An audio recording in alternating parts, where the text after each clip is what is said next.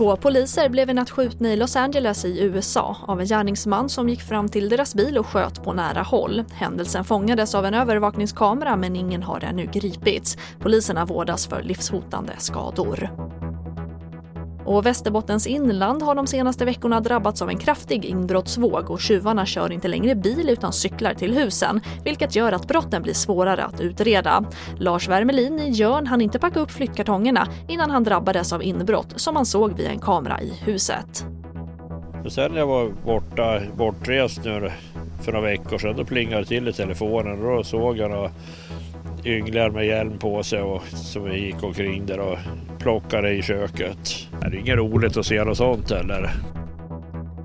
Och i flera regioner har antalet som söker vård för ätstörningar ökat enligt TT ibland så mycket som 50 procent. Och flera ätstörningsorganisationer vittnar om en ökad oro bland unga under våren.